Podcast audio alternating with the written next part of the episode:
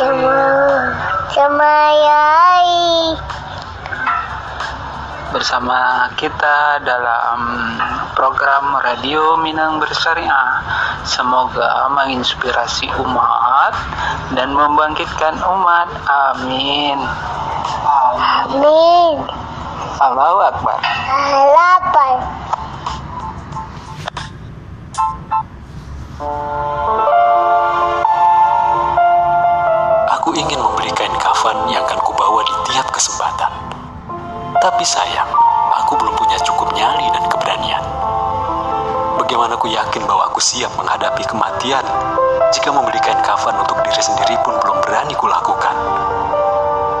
Membeli kain kafan adalah ikrar untuk meninggalkan semua kemaksiatan atau bersiap menanggung siksa atas semua pembangkangan yang dengan sadar kita lakukan.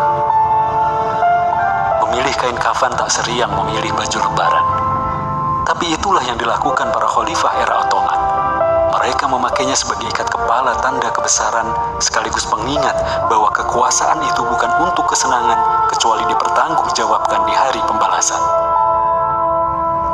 Mungkin bagi orang solih tingkat sembilan, membeli kain kafan untuk diri tak perlu dilakukan. Tapi bagi kami yang masih cinta dunia yang profan, hal itu adalah cara ampuh nafsu dan bisikan setan. Juga bagi Anda yang zikirnya adalah harta, kekuasaan, penaklukan, dakwah, dan ketenaran. Maka membawa kain kafan adalah cara terampuh untuk mengingat bahwa semua itu hanya jalan, bukan tujuan. Aku harus segera membeli kain kafan. Meski jujur, ini sangat berat.